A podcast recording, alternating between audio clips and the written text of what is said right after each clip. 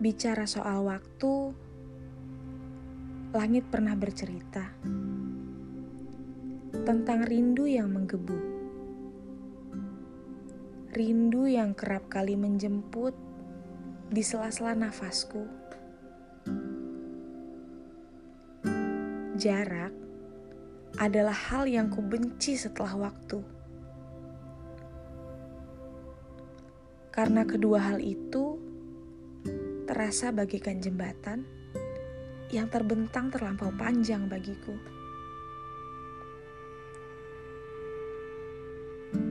Bukan tentang apa yang sedang kita hadapi, lebih sulit atau lebih mudah, bukan juga sebagai perbandingan antara apa yang kita lewati dan apa yang kita rasakan. Melainkan bagaimana kita mampu menghadapi kekhawatiran. Setiap guratan garis tangan sebagai identitas yang menggambarkan masa lalu dan masa depan. Aku percaya setiap kita memiliki garis tangan yang sudah pasti tak akan sama. Layaknya waktu. Setiap kita juga memiliki waktunya masing-masing. Kita semua berjalan mencari ujung, berharap akan dipeluk kebahagiaan.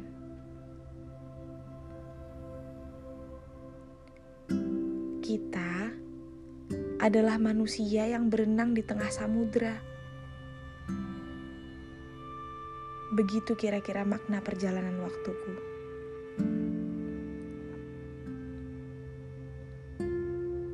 Di setiap kepala, makna memiliki kamusnya masing-masing.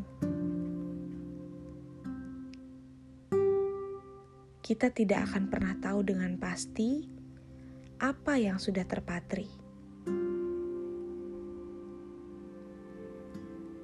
Happiness only real when share.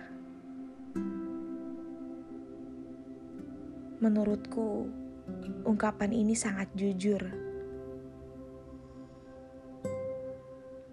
Aku butuh orang lain supaya bahagia tercipta. Jika di perjalanan waktu ini aku sudah menemukanmu, Kuharap